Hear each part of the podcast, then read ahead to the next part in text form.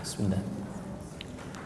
Alhamdulillah Rabbil Alamin Wassalatu wassalamu ala rasulillah karim Wa ala alihi wa sahbihi ajma'in Amma ba'd Faya ibadallah Usi nafsi wa iyyakum bitaqwallahi Faqad fazal muttaqun Fala tamutunna illa wa antum muslimun Faqala ta'ala Ya ayyuhalladzina amanu taqullaha haqqa tuqatih Wa la tamutunna illa wa antum muslimun Alhamdulillah ikhwas sekalian Kembali kita diberikan kesempatan oleh Allah Subhanahu wa taala untuk menjalani aktivitas di hari ini. Kita bermohon pada Allah Subhanahu wa taala semoga aktivitas kita mendapatkan bimbingan dari Allah Subhanahu wa taala sehingga bisa lebih baik dibandingkan dengan hari-hari sebelumnya dan semoga salat yang telah kita tunaikan khususnya salat duhur diterima oleh Allah Subhanahu wa taala dan menjadi bagian ibadah terbaik yang pernah kita kerjakan.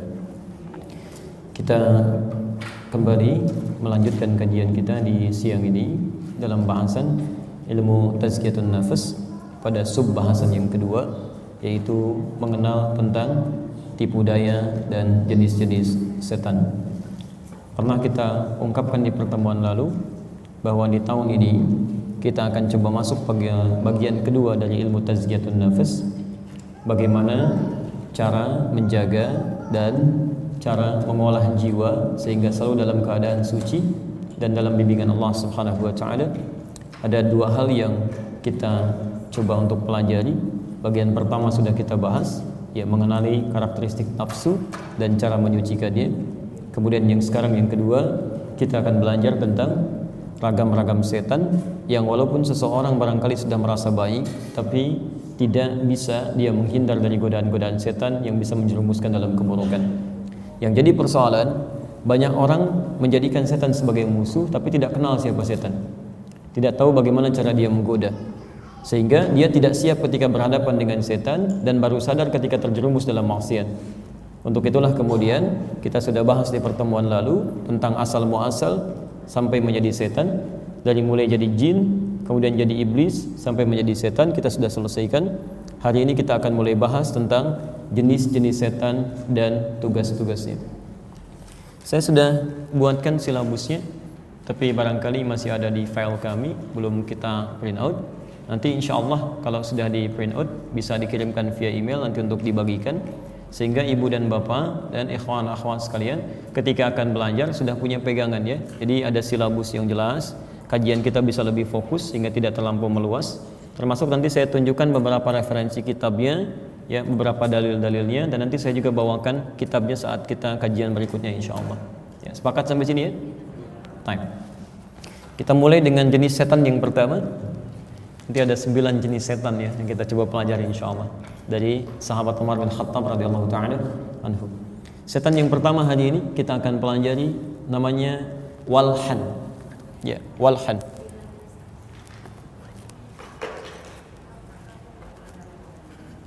Terdengar suara saya? Terdengar insya Allah? Kalau tidak terdengar berarti perlu mic gitu ya. Baik. Azikallah khair. Ah, syukran. Afwan. Ya, azikallah khair. Baik, hari ini kita bahas setan yang pertama namanya Walhan. Ya, Walhan. Baik. Walhan.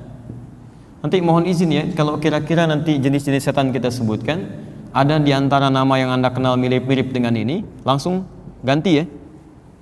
Jadi kalau temukan nama-nama mirip dengan nama-nama ini, langsung ganti ya. Ganti, jadi nama-nama yang tidak baik. Baik, kita turunkan dalilnya dulu sebentar.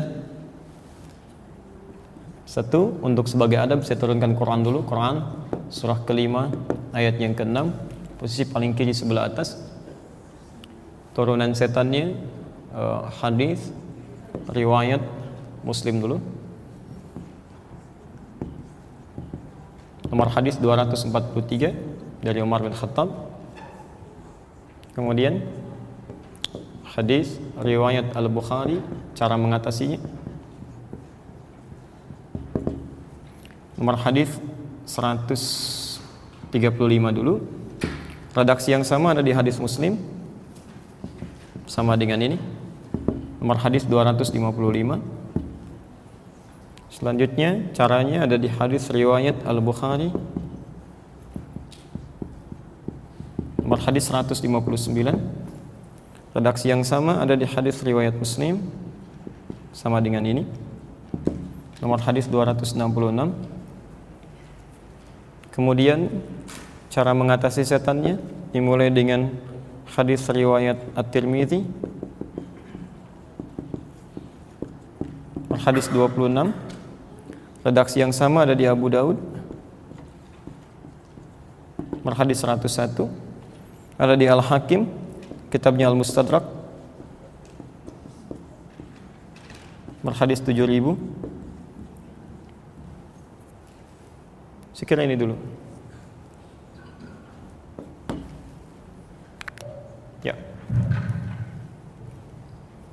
Jelas insya Allah Belum ya, belum kita mulai, kita baru tuliskan.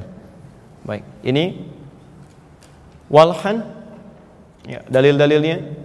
Quran surah kelima ayat ke-6 Al-Maidah ayat 6 di Hadis Muslim nomor hadis 243 Ini setannya. Kemudian turunannya di Al-Bukhari nomor hadis 135 Di hadis Muslim nomor hadis 255 Al-Bukhari nomor hadis 159 Hadis Muslim nomor hadis 266 Di At-Tirmidzi nomor hadis 26 Redaksi yang sama ada di Abu Daud nomor hadis 101 Ada di hadis Al-Mustadrak Al-Hakim Naisaburi nomor hadis ke-7000 Kalau ingin satu kitab Mungkin di kitabnya ada di Fathul Bari Syarah Sahih Al-Bukhari. Fathul Bari Syarah Sahih Al-Bukhari. Karya Ibnu Hajar Al-Asqalani. Jilid yang pertama halaman 214 ada 18 jilid warnanya kuning, terjemahan bahasa Indonesia terbitan pustaka, Al-Imam Syafi'i. Ada di Syarah Muslim Al-Minhaj. Syarah Sahih Muslim, bukan Al-Minhaj yang kecil ya. Yang Syarah Sahih Muslim ada 7 jilid. Cari jilid yang ketiga halaman 95. Tek. Ya, kitab spesifiknya nanti saya tunjukkan supaya lebih dipahami. Walhan setan penggoda saat wudhu dikenal dengan setan wudhu ya, setan wudhu setan yang menggoda saat wudhu ya. atau disingkat dengan setan wudhu wudhu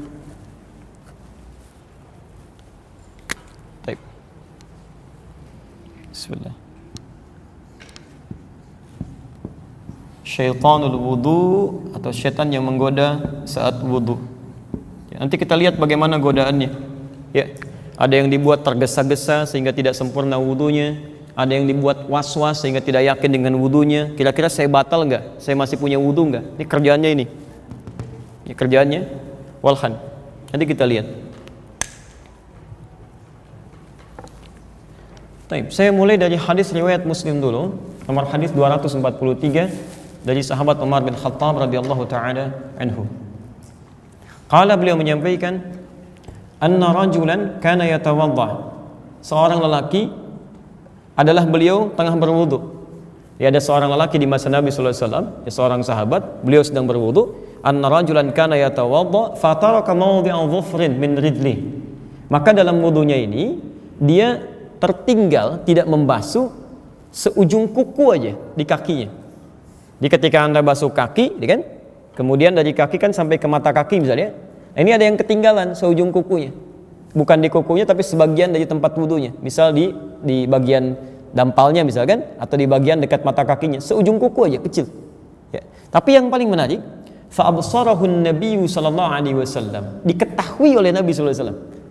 Ingat dalam bahasa Arab itu ada nazara, ada ro'a, ada basara, ada absara, itu beda. Ya, kalau Anda menggunakan nawara itu berarti melihat dengan menganalisis tapi bendanya terlihat di depan secara utuh. Kalau ro'a itu penglihatan umum, mungkin jauh, mungkin dekat. Mungkin ada yang bisa melihat jelas, mungkin ada yang kurang jelas. Makanya dalam ru'yah dari kata ro'a, ketika akan datang Ramadan ada ru'yat kan? Karena ada yang bisa melihat jelas, ada yang melihat tidak jelas kan? Dari ro'a, iara, ru'yatan. Tapi tapi kalau menggunakan absara absara itu berarti menunjukkan sesuatu yang sangat tajam terlihat. Orang nggak lihat, ini bisa lihat. Di Umar bin Khattab radhiyallahu taala anhu ingin menyampaikan pesan bahwa saking tajamnya penglihatan Nabi itu pada yang secuil kuku pun yang orang lain nggak lihat oleh Nabi kelihatan. Jelas ya? Taib. Fa absarahu Nabi sallallahu alaihi wasallam faqala Ya, maka Nabi SAW kemudian bersabda pada orang ini.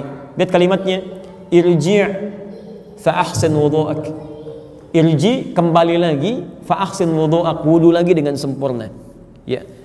Maaf, kembali lagi, ulangi, irji, ulangi fa ahsin wudu'ak. Sempurnakan lagi wudu kamu. Yang lebih ekstrim ada lagi yang menimpa pada seorang bernama Khalad Az-Zuraiqi. Itu ada di Al-Bukhari, belum saya tuliskan di sini. Nomor hadis 751 757 di hadis Muslim nomor hadis 397. Babnya namanya kalau beda nomor nanti karena mungkin beda cetakan cari babnya babul musifis salah. Bab tentang orang yang salatnya bermasalah. Ya. Ja'a rajulun ila Nabi sallallahu alaihi wasallam. Datang seorang lelaki pada Nabi sallallahu alaihi wasallam. Fadakhala ila al-Masjidin Nabawi. Dia masuk ke Masjid Nabi. Fasalla bi jambin Nabi sallallahu alaihi wasallam. Kemudian salat langsung di samping Nabi sallallahu alaihi wasallam. Falamma sallama yaminan wa shamala tatkala dia selesai salam ke kanan dan ke kiri faqala lahu nabi sallallahu alaihi wasallam maka Nabi sallallahu alaihi wasallam langsung berkata pada orang ini salli fa innaka lam tusalli Anda salat lagi karena Anda belum salat Bayangkan ya sudah wudu salat di samping Nabi di masjid Nabi kata Nabi tolong ulangi salatnya Anda belum salat Ya, fa'ada salatahu thalath. Maka dia mengulangi salatnya sampai tiga kali. Faqala lahu Nabi sallallahu alaihi wasallam mithla ma kana. Namun Nabi tetap mengulang kalimat yang sama. Anda salat lagi karena Anda belum salat. Maka dia berkata, "Ya Rasulullah, ba'uhsin wa ghaira." Ya Rasulullah, saya nggak bisa lebih baik lagi daripada ini. Alim nih tolong ajarkan saya. Nah, ini yang mau saya terangkan. Ketika Nabi mengatakan, orang ini mengatakan tolong ajarkan saya, Nabi mengatakan lihat jawabannya. Faqala lahu Nabi sallallahu alaihi wasallam. Maka Nabi sallallahu alaihi wasallam bersabda, "Idza qumta ila shalah, kalau kamu ingin salatnya sempurna, asbighul wudu." Mulai dengan menyempurnakan wudunya. Baru kemudian thumma istaqbilul qiblah, menghadap ke arah kiblat. Ya, baru kemudian bertakbir sampai selesainya. Kata para ulama, kalau cuma salatnya yang salah, itu pasti akan dicontohkan dari mulai takbir. Begini takbirnya, sampai kemudian salam. Tapi karena dari wudunya dia tergesa-gesa, maka dicontohkan oleh Nabi dimulai dari wudhunya. Sempurnakan wudhunya, begini wudhunya. Setelah selesai menghadap ke arah kiblat, setelah selesai mulai bertakbir, mulai kemudian sampai salamnya. Dari situ kita mendengar kalimat di Al-Bukhari nomor hadis 651, "Sallu kama raaitumuni usalli." Salatlah kalian persis seperti melihat saya ini salat. Yang jadi persoalan, Kenapa ada orang kemudian sampai wudhunya tidak sempurna, sampai ada yang tergesa-gesa, sampai sholatnya diminta diulang, sampai ulama menyimpulkan sekalipun seseorang sholatnya benar tapi wudhunya bermasalah, maka mohon maaf sholatnya dinilai tidak sempurna dan harus diulang kembali. Bahkan dianggap batal sholatnya. Itu penyebabnya tiada lain salah satunya adalah walhan. Ini yang membuat seseorang terburu-buru dalam berwudhu, memberikan was-was dan seterusnya. Paham sampai sini? Taib. Nah, sekarang kalau sudah dipahami tentang kisah mula ini, sekarang kita kenali dulu bagaimana tugasnya walhan ini dan lalu kemudian seperti apa kita bisa mengatasi godaan-godaan walhan saat berwudu. Nanti ini kerjaan setan tuh begitu sistematis, Pak. Ibu hati-hati ya. Makanya oleh Quran diistilahkan dengan khutwat. Eh, Quran surah kedua Al-Baqarah ayat 168 posisi paling kanan sebelah bawah di pojok. Cek. Di ujung ayatnya, ya ayuhan nasu kulu mimma fil ardi halalan thayyiba wa la tattabi'u khutuwati syaitan. Ya khutuwati syaitan innahu lakum aduwwun mubin. Baik. Bismillah. Baik, teman-teman perhatikan ayatnya. Ya. Wala tattabi'u wala tattabi'u. Sebentar ya. Wala tattabi'u Kemudian khutuwat syaitan. Ini poinnya. Khutuwat syaitan. Baik. Perhatikan sini. Ini dari kata ittaba yattabi'u, tattabi'u.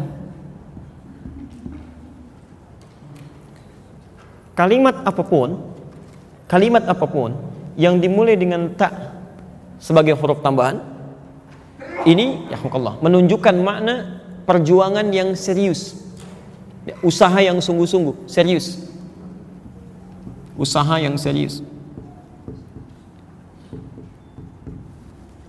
Apalagi kalau menggunakan tasdid. Ini menunjukkan bahwa hal yang dihadapi itu tidak mudah. Ya, hal yang dihadapi tidak mudah. Padahal kalimat ini asalnya dari kata tabi ayat sebab orangnya disebut tabi'ah. Ya, kalau banyakkan disebut tabi'in, sesuatu yang mengikuti. Bisa Allah mengatakan begini, wala tatsbi'u khutuwati syaitan. Tapi dirubah kalimatnya, bukan dirubah ya, artinya dipindahkan kepada yang lebih tinggi nilainya. Ya. Lihat firman Allah yang tidak mengatakan wala tatsbi'u tapi wala tattabi'u. Taknya ditambah dengan tak tambahan, harful mudhara'ah ditambah dengan tasydid. Ini menunjukkan bahwa mohon izin kalau ada kalimat menggunakan tak tambahan di depan menggunakan tasydid satu tantangan yang dihadapi tidak mudah. Tidak mudah. Yang kedua butuh usaha serius untuk mengatasinya. Kalau ini diarahkan kemudian kepada kalimat ayat selanjutnya apa yang harus kita usahakan? Jangan sampai kita ikuti. Yang tantangannya tidak mudah ini khutuwati syaitan perangkap-perangkap setan. Jadi ketika setan itu bertugas, kalimatnya oleh Quran digunakan kata khutuwat sini. Jamak dari kata khutbah. Khutbah. Khutbah itu kalau dalam dunia militer itu rencana yang sudah matang. Ya, strategi yang matang itu khutbah. Bukan cuma plan A, ada plan B sampai plan Z-nya. Ya, kalau Anda menulis tesis atau disertasi, di Timur Tengah itu sebelum jadi disebut dengan khutbah, khutbatul bahthi, kerangka penulisan. Itu dari mulai awalnya, referensinya sampai A sampai Z-nya mesti ada dulu. Kalau sudah jelas baru diterima, baru Anda boleh nulis. Itu disebut dengan khutbah. Ya. Jamaknya disebut dengan khutwat.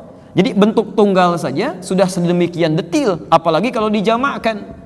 Artinya Allah ingin menyampaikan godaan setan itu disusun dengan sangat strategis luar biasa direncanakan sesuai dengan sifat makhluknya yang akan digoda plus bukan satu cara tapi bisa banyak cara mungkin anda pertama tidak terburu-buru tapi begitu selesai wudhu dibuat was-was kamu belum wudhu nih batal tadi itu kan dan sebagainya mungkin seperti itu dan jangan kira setelah anda selesai wudhu selesai godaannya setan yang lain siap menunggu nanti nanti begitu anda selesai wudhu ya mau takbir masih tenang tapi begitu mulai bertakbir kata Nabi, ada setan selanjutnya yang akan membisikkan ke telinga Anda. Ingat ini, ingat itu. Sampai saat Anda takbir tiba-tiba Anda bisa mengingat apa pun yang tidak ingin Anda ingat. Ya. Dan ujungnya hatta la yash'urul musalli kam raka'atan yusalli. Sampai ada orang sholat tidak sadar berapa rakaat sedang menunaikan sholatnya. Itu setan yang kedua, nanti kita lihat. Baik. Jadi kita simpulkan dulu sebentar. Pembahasan kita mengenai semua jenis setan termasuk setan yang pertama, mohon izin, tolong jangan dianggap ringan ya. Karena nanti tidak sedikit pas kita bahas, ya, pas kita bahas tiba-tiba kita kerjakan, ternyata kita kena juga gitu kan. Nah, karena itulah kemudian kita pahami ini dari mana dia masuk, seperti apa kemudian dia menggodanya. Ya, saya pernah di Bekasi ajarkan tentang setan penggoda dalam sholat, ya, namanya khanzab. Jadi begitu ada orang takbir begini, setannya malah ngajarin itu, hati-hati loh ya, ada setan namanya khanzab ini. Oh, dia sedang takbir itu. Taib ya. Bismillah. Taib. Saya teruskan dulu. Dari isyarat hadis-hadis Nabi tadi, para ulama menyimpulkan bahwa yang pertama yang dilakukan setan ini seperti pernah dipraktikkan pada Khalad Az-Zuraiqi dan sahabat yang tadi yang dilihat oleh Umar bin Khattab. Saya berikan dulu rumus dalam ilmu hadis dan ilmu Quran ya. Kalau Anda mendapati dalam uraian Al-Quran atau hadis satu peristiwa yang tidak disebut siapa orangnya, kapan kejadiannya, khususnya nanti dalam Al-Quran. Ini menunjukkan bahwa peristiwa itu akan terjadi lagi di masa depan dengan tokoh-tokoh yang berbeda. Tapi jika disebutkan dalam Quran, seseorang tokoh, kejadian tertentu melekat padanya, ini menunjukkan bahwa peristiwa itu tidak akan pernah menimpa orang lain lagi. Ya. Seperti Maryam misalnya anak perempuannya Imran, wa Maryam nata. Bahkan disebutkan langsung ke bapaknya supaya nanti ke depan tidak ada yang mengaku-ngaku Maryam, ya kan? Dan bisa menyatakan punya kejadian serupa. Bisa mengandung, melahirkan tanpa disentuh oleh laki-laki mana pun. Jadi itu cuma Maryam, nggak ada yang lain. Tapi hadis ini, ketika Umar mengatakan siapa orangnya, nggak disebutkan siapa tokohnya. Umar hanya mengatakan anna ranjulan bahwa seorang lelaki tergesa-gesa dalam wudhunya sampai lupa membasuh sebagian kecil dari kakinya. Ini artinya ini bisa menimpa kepada siapa pun di masa yang akan datang. Ada orang yang terburu-buru wudhu. Ini poin pertama. Setan ini menggoda agar wudhu seseorang tidak sempurna dengan tergesa-gesa. Tergesa-gesa dalam berwudhu. Maaf, jadi artinya di masa depan sampai sekarang pun Anda akan temukan orang-orang yang tergesa-gesa dalam berwudu sampai tidak sempurna basuhannya. Nah, itu kalau Anda mendapati situasi itu, hati-hati itu pasti walhan. Ya, misal, kalau sekarang kan enak wudu Pak ya. Tapi antum keluar nanti begitu wudu komat misalnya, Allahu Akbar, Allahu Akbar, itu situasi akan berubah. Cepat tuh, sudah komat. Antum bisa ketinggalan rakaat kan? Apalagi kalau datangnya misalnya rakaat-rakaat terakhir, datang ke masjid mau rakaat terakhir, antum belum wudu, tambah lagi tuh. Nanti kita lihat. Ya. Bapak Ibu sudah sempurna, alhamdulillah, tenang gitu kan. Tapi kan anak anda bagaimana? Ya, yang sudah mulai balik. Jangan-jangan anda bagus tapi anaknya kurang sempurna. Maka ada cara untuk kita untuk mengajarkan itu. Ya, kita lihat dulu pelan-pelan. Yang kedua, was-was jadi memberikan was-was khususnya antara berwudu atau tidak. Berwudu atau tidak. Antum sudah wudu, tiba-tiba mau salat, ya. Kemudian dia bisikan, "Eh, tadi kamu batal loh, begini begitu. Sekarang wudunya batal, ulang lagi." Bahkan tidak sedikit ada orang yang berwudu berulang-ulang karena tidak yakin pada dirinya. Apakah punya wudu atau tidak? Ini walhan. Baik.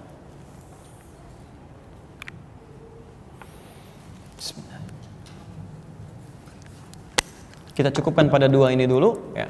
Lalu kita berikan solusinya. Bismillah. Paham sampai sini dulu? Saya mau coba agak pelan-pelan ya, supaya kita bisa pahami dengan baik ya.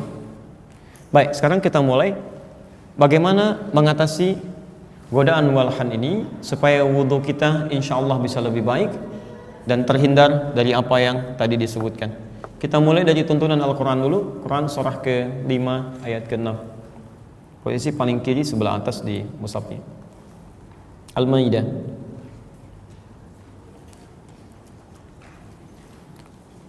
Ya ayyuhalladzina amanu idza qumtum ila shalah faghsilu wujuhakum wa aydiyakum ila al-marafiq. Ada ayatnya? Wamsahu bi ru'usikum wa arjulakum ila al-ka'bayn. Baik. Perhatikan ayatnya. Ya ayyuhalladzina amanu. Hai orang-orang yang telah menyatakan dirinya beriman kepada Allah. Taib. Tahan sampai sini. Kami berikan ilmu tafsir dulu ya. Jika Bapak Ibu menemukan Kalimat dalam Al-Quran Dibuka dengan kata iman Sekali lagi Jika Anda menemukan dalam Quran Kalimat dibuka dengan kata iman maka informasi yang akan disampaikan di ayat itu sekaligus menjadi ukuran tingkat keimanan kita. Jadi parameter keimanan kita. Di semakin Anda menunaikan dengan baik, ini menandakan imannya sedang bagus. Tapi kalau Anda malas-malas dalam menunaikannya, ini menunjukkan maka imannya sedang bermasalah. Semua jenis kata iman dalam Quran, apa pun turunannya, baik bentuk kata kerja, fi'il, mau fi'il madhi, fi'il mudhari, fi'il amr ataupun bentuk isim, kata benda mau isim fa'il, isim maf'ul itu setiap ayat dibuka dengan kata iman, informasinya mengukur keimanan kita. Saya beri contoh sebentar. Kalimat iman pertama di Quran itu ada di Quran surah kedua Al-Baqarah ayat ketiga. Posisi paling kiri di pertengahan. Alladzina yu'minuna bil ghaib wa yuqimunas shalah. Yaitu orang-orang yang menyatakan beriman pada Allah yang gaib, tak nampak dalam pandangan, lalu dia buktikan imannya dengan menyempurnakan salat. Artinya apa? Semakin orang ini semangat menyempurnakan sholat, menunaikan dengan baik, maka ini menunjukkan imannya sedang kuat. Tapi kalau antum dalam posisi misalnya sedang malas-malas sholat, sedang gak enak menunaikan sholat misalnya, ini menunjukkan, maaf kondisi iman sedang lemah. Misal, cara menyempurnakan sholat pertama dalam Quran, bukan dalam caranya dulu, tapi menjaga waktunya dulu. Ya, Quran surah kedua Al-Baqarah, ayat 238, posisi paling kanan sebelah atas di pojok. Quran surah kedua Al-Baqarah ayat 238. Antum ingin menyempurnakan sholat, jangan bicara dulu masalah teknisnya. Dari mulai takbir sampai dengan salam. Tapi dimulai dengan menjaga waktunya dulu. Taib, waktu subuh jam berapa sekarang? Ah, ini 35 36, Masya Allah ya. Jamaah Nurul Bahris yang ini berbeda pendapat tentang waktu sholat subuh. Baik, kita ambil misalnya jam 4.36 misalnya ya, ambil pertengahan. 4.36. Lihat kalimat Qurannya Hafidhu 'ala salawati was salatil wusta wa qumu lillahi qanitin. Hafidhu 'ala salawat. Orang yang mau menyempurnakan salat itu bukan cuma dia peduli pada prakteknya, tapi dia akan jaga waktu salat. Dia ketahui. Baik, subuh jam 4 lewat 36 misalnya, lalu Anda hafal waktunya, Anda siapkan dari jam 4. Anda bangun jam 4, ya kan? Anda siap-siap dulu, mandi dulu, berwudu dengan sempurna, bahkan ada yang tahajud dulu, ada yang istighfar dulu. Ini menandakan imannya sedang di atas, sedang naik. Tapi kalau Anda dipanggil jam 4.36, Allahu Akbar, Allahu Akbar, Anda siap-siap saat itu. Jam 4.36, itu imannya standar.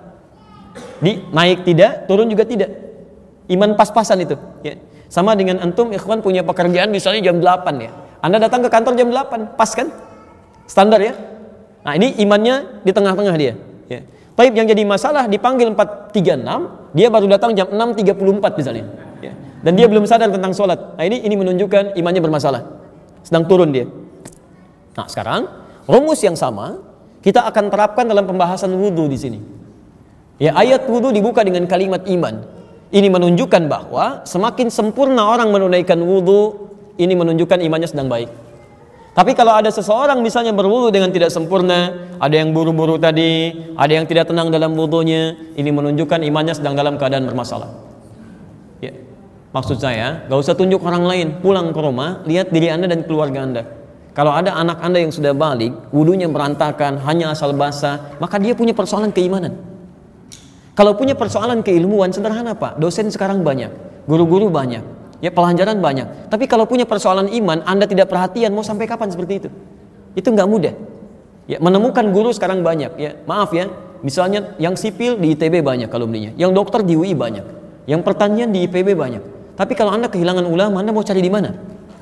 Ya, jadi tidak mudah menemukan itu. Saya selalu agak-agak uh, tegas saya di sini.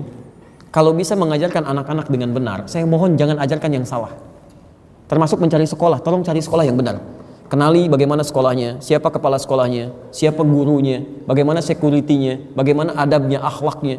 Ya, anak-anak tuh kasihan kalau dia mendapatkan yang salah, tidak mudah kemudian meluruskan di masa depan. Ya, tidak mudah itu. Ya, saya pernah menangis dengan istri kami saat mohon izin ya, ada 30 anak ya dibanggakan orang tuanya, kita pengen dengar. Ini ada ahli Quran ya kan, ahli Al-Quran, Masya Allah kita datang, kita dengarkan. Itu Masya Allah, luar biasa. Ingatannya bagus, bacaannya juga hafalannya luar biasa. Cuman sayang, yang dibaca salah. Yang panjang jadi pendek, ada yang tertukar huruf dan sebagainya.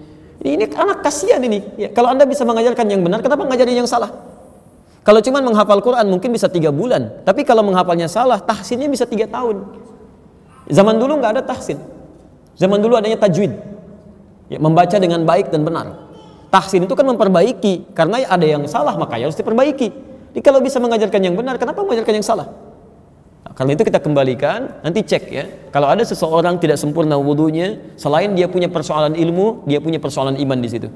Jelas di sini? Baik. Ya ayyuhalladzina amanu idza qumtum ila shalah. Hai orang-orang yang telah menyatakan dirinya beriman kepada Allah Subhanahu wa taala, idza qumtum ila shalah, perhatikan cara menerjemahkannya. Jika Anda ingin menunaikan salat dengan sempurna. Qumtum itu bukan sekedar menunaikan. Dari kata aqama yuqimu. Aqama itu artinya menunaikan sesuatu dengan sempurna. Misal dalam bahasa Arab berdiri tegak sempurna itu disebut dengan qiyam. Nanti kita ambil beberapa contoh. Ya. Berdiri tegak sempurna disebut dengan kiam. Abu Daud nomor hadis 666. Ya, kata Nabi, aqimus sufuf. Sebelum Anda tunaikan salat, berdirilah dengan tegak sempurna. Ukurannya apa? Kaki terbuka, ya, lebarnya selebar dengan bahu, jadi tidak terlampau lebar begini. Tidak terlalu juga rapat begini. Ya, bahkan posisi ini dalam hal latihan menembak pun itu kaki mesti begini Ya, saya pernah melihat itu ya, ada seorang pembina di Perbakin mengajarkan cara menembak, posisi kakinya sejajar dengan bahu gini. Itu masya Allah dalam urusan dunia saja dianggap sempurna itu begini. Nabi mengajarkan dari dulu. Dari sikap sempurna, yang pramuka, yang macam-macam itu kaki sejajar dengan bahu begini. Ya, badannya tegak. Jelas di sini? Baik, ini yang disebut dengan kiam. Kiam, posisi sempurna. Kalau kemudian itu disandingkan dengan kalimat ibadah, maka kalimat yang berubah menjadi menunaikan ibadah dengan sempurna sesuai ukuran syariat. Misal, posisi berdiri dalam sholat tadi, teruskan hadisnya. Ya, kata Nabi, aqimus sufuf, tegak berdiri, pelan-pelan. Kemudian kalimatnya berbentuk jamak. Ya, jamak, tegak, lurus, jajar dengan saf, menggunakan kata sufuf. Bagaimana lurusnya? Lihat kalimatnya, wahadhu bainal manakib wal akdam. Dipandang lurus kata Nabi, kaki itu jika bahunya sejajar. Dan mustahil bahu bisa sejajar kecuali kaki bagian belakang yang diluruskan. Tumitnya, bukan kaki bagian depan. Ya, saya mohon contoh cepat aja, dua orang misalnya dari teman-teman, bisa nggak dari akhwanya satu dua orang? Time. Antum berdiri di sini aja. Sekarang luruskan kaki bagian depannya jarinya. Kaki depan, ya, sesuai dengan garis. Perhatikan sini. Ah, ini berdiri tegak ya. Tegak gak? Lurus? Tayyib. Kalau tegak mungkin iya, tapi lurus tidak. Karena ukuran lurusnya dari Nabi itu bukan kaki, tapi sejajar bahunya ini. Sejajar. Dan mustahil bahu ini bisa sejajar kecuali tumitnya yang diluruskan dengan garis. Bukan kaki bagian depan, tapi tumit bagian belakang. Kalau saya ambil misalnya, misal saja bisa di sini luruskan, naik terus ke depan ke depan. Terus maju aja maju. Ya, saya luruskan kaki bagian belakang ya. Mohon izin, maju ke depan. Terus mundur sedikit, mundur sedikit. Nah, maju sedikit. Dah, maju sedikit gini. Tahan, tahan, sebentar. Gak usah nengok sedang sholat. Baik. Misal, tahan. Sekarang tegak berdirinya. Lebih lurus dari yang tadi? Lebih lurus dari yang tadi. Apalagi kalau benar-benar diluruskan sejajar dengan garisnya, itu pasti lebih lurus. Nah, ini ini baru baru berdiri gitu kan. Belum kakinya. Sekarang rapat tidak? Baik. Apa ukuran rapatnya? Ya, wala tadharu furjatin di syaitan. Nanti ini materi yang selanjutnya. Jangan berikan celah bagi setan untuk masuk. Jadi ada setan itu masuk ke celah-celah orang yang tidak rapat dalam menyusun safnya. Nanti kita bahas di pertemuan yang berikutnya. Tapi poin yang ingin saya sampaikan, jika ada kalimat dalam bahasa Arab menggunakan kata koma, akoma, itu artinya sesuatu yang ditunaikan dengan sempurna, bukan asal-asalan. Sekarang kalimat wudhu dan sholat di Quran diawali dengan kata aqama ini menunjukkan bahwa kita berwudhu mesti ditunaikan dengan sempurna. Jelas di sini? Silahkan. Jazakallah khair. Baik. Tapi kalimat ini pun kalau dipahami dari unsur bahasa, kalimat ini pun memberikan kesan bahwa pada rumus yang ketiga, kalau ada kalimat di Quran menunjukkan tunaikan sempurna, tunaikan dengan sempurna, ini memberikan kesan bahwa ada orang-orang yang sering menunaikannya dengan tidak sempurna. Awas hati-hati ya. Antum temukan kalimat ibadah di Quran dengan kata sempurnakan, sempurnakan. Ini artinya ada orang-orang yang mengerjakan ibadah itu tapi tidak sempurna mengerjakannya. Contoh lain, Quran surah kedua Al-Baqarah ayat 196 posisi paling kiri di sebelah bawah di pojok. Quran surah kedua Al-Baqarah ayat 196 tentang haji dan umrah. Baik. Wa atimmul hajja wal umrata lillah. Ada ayatnya? Baik. Silakan cek. Wa atimmul hajja wal umrata lillah. Dan sempurnakanlah haji dan umrah itu karena Allah. Kenapa ayat haji dan umrah dimulai dengan kalimat sempurnakan? Ini ingin memberikan kesan pada para, kata para ulama. Ada orang-orang yang menunaikan haji dan umrah, tapi cenderung tidak sempurna haji dan umrahnya. Bahkan ini menarik ya. Kalimatnya menggunakan kata tamam. Ya, tamam itu kesempurnaan yang terus diulang. Ya, yang terus diulang. Jadi ada orang-orang yang haji, umrah tapi nggak sempurna. Kemarin umrah nggak sempurna, sekarang umrah nggak sempurna. Ya ada lagi yang datang berikutnya nggak sempurna lagi. Coba cek ya, ini sering kejadian. Saya terakhir aja kembali dari Saudi beberapa waktu yang lalu. Itu masya Allah sa'i aja masih ada yang lebih soleh daripada Nabi. 14 kali sa'inya. Ya, Nabi tujuh kali kan dari Safa ke Marwah dihitung satu, dia setengah. Ya, jadi Safa ke Marwah setengah, Marwah ke Safa satu gitu kan? Dan masya Allah sudah itu terlampau lelah. Rupanya saya itu butuh perjuangan ya dalam mengamalkan Islam. Bukan butuh perjuangan antum yang salah mengerjakannya gitu. Nah, jadi ada beberapa persoalan yang kita harus tangkap dengan serius. Kita kembalikan ke wudhu. Ya. Idza qumtum ila shalah, maka jika Anda ingin menyempurnakan salat, salatnya ingin sempurna, Fagsilu wujuhakum maka mulai dengan menyempurnakan wudhu, basuh wajah. Nah, sekarang tolong fokus ya. Saya mulai dengan gambaran Quran dulu, baru kita berikan solusi, baru kita turunkan pada hadis. Jadi yang pertama, saya ulang, yang pertama ada keterkaitan antara sholat dengan wudhu. Ketika kalimatnya disambungkan di sini, ada keterkaitan antara salat dengan wudhu. Artinya apa? Orang yang wudhunya tidak sempurna pasti akan berdampak pada ketidaksempurnaan salat. Ini poinnya. Makanya ketika Quran mengatakan kalau anda ingin sempurnakan salat, mulai dengan sempurnakan wudhu. Ini artinya wudhu seseorang tidak sempurna, pasti salatnya akan berantakan. Anda lihat salat anak anda misalnya, terlampau cepat-cepat, buru-buru, asal basah, salatnya pun pasti akan kilat. Gak percaya silakan. Nah, sholat dia wudhu sudah basah aja. Sholat belum dua menit sudah selesai. Silahkan cek, itu akan selalu berdampak. Ya. Makanya Nabi menyampaikan dalam riwayat Al Bukhari nomor hadis 135 di hadis Muslim redaksi yang sama nomor hadis 255 lihat kalimatnya teman-teman sekalian 225 maaf nomor hadis 225 lihat kalimatnya kata Nabi la tuqbalu salatu man ahdatha hatta yatawadda'a tidak akan pernah diterima sholat seseorang yang masih punya hadas sebelum wudhu dengan sempurna. Jadi kalau wudhunya nggak sempurna, maka sholatnya pun tidak akan diterima oleh Allah Subhanahu Wa Taala. Sekarang, bagaimana cara menyempurnakan wudhu ini? Yang di antara sebab ketidaksempurnaannya ada peran setan walhan di sini. Seperti apa cara kita berwudhu? Ini yang akan coba kita mulai. Pertama, kita mulai dengan mengatasi was-was dulu. Ya, mengatasi was-was. Turunkan hadisnya. Tadi sudah saya tuliskan At-Tirmidzi nomor hadis 26. Di Abu Daud nomor hadis 101 dan di Al-Hakim Mustadrak An-Naisaburi nomor hadis 7000. Qala Rasulullah sallallahu alaihi wasallam Rasulullah sallallahu alaihi wasallam satu kali pernah bersabda La salat liman la wudu'a lah Tidak ada salat atau tidak bernilai salat seseorang tidak bernilai salat seseorang, maksudnya tidak dianggap salatnya bagi yang tidak berwudu sebelumnya. Tidak ada salat bagi yang tidak berwudu. Tidak dinilai salat seseorang ketika dia tidak punya wudu. Wala wudu'a dan tidak dinilai wudu seseorang ya, tidak ada faedahnya wudunya liman lam yadhkurismallahi ta'ala bagi orang yang tidak memulai dengan menyebut nama Allah Subhanahu wa taala. Cara wudhu yang pertama sekarang menepis was-was yang datang dari setan.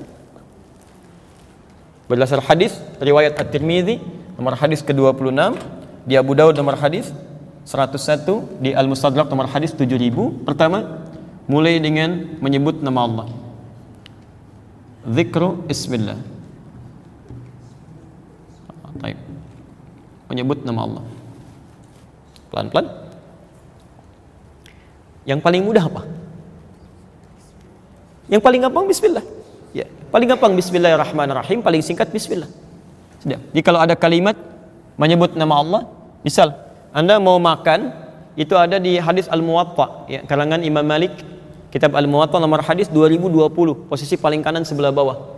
Itu ada seorang sahabat namanya Abu Salma, anaknya Sulma, ya, datang bertamu pada Rasulullah SAW, kemudian Nabi hidangkan makanan. Lalu anak ini saking senangnya dengan makanan yang ada di depan Nabi, tangannya diselonjorkan begini, maju ke depan.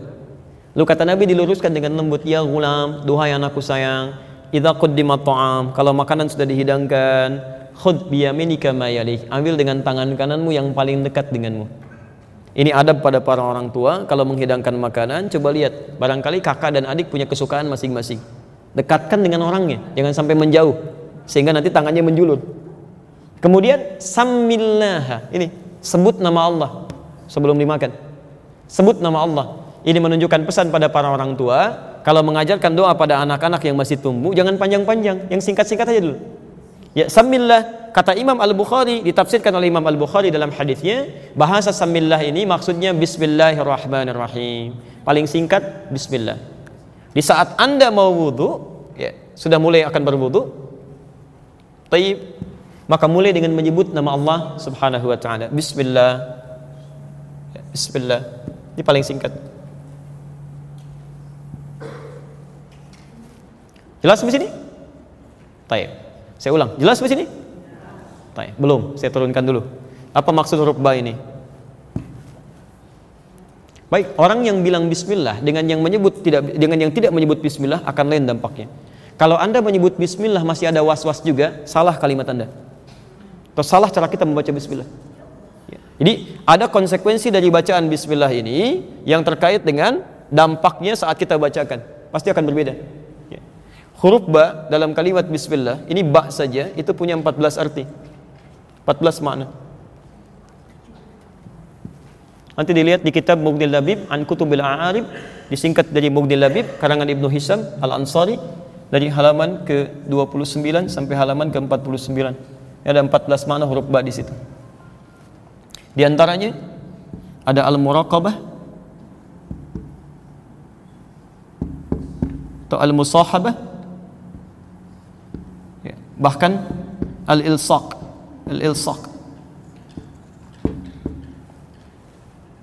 di antaranya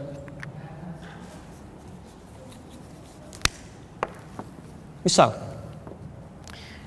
Ba al-muraqabah. Ya, muraqabah itu dari kata raqibah sesuatu yang terawasi. Dilihat diawasi. Ya. Taip, saya beri contoh begini misalnya. Ada orang minum ketika dia mau minum dia mengucapkan kalimat bismillah. Maka kalimat yang dia ucapkan bukan sekedar dia minum bismillah bukan. Tapi dia harus merasakan bahwa minumnya sedang diawasi oleh Allah Subhanahu wa taala.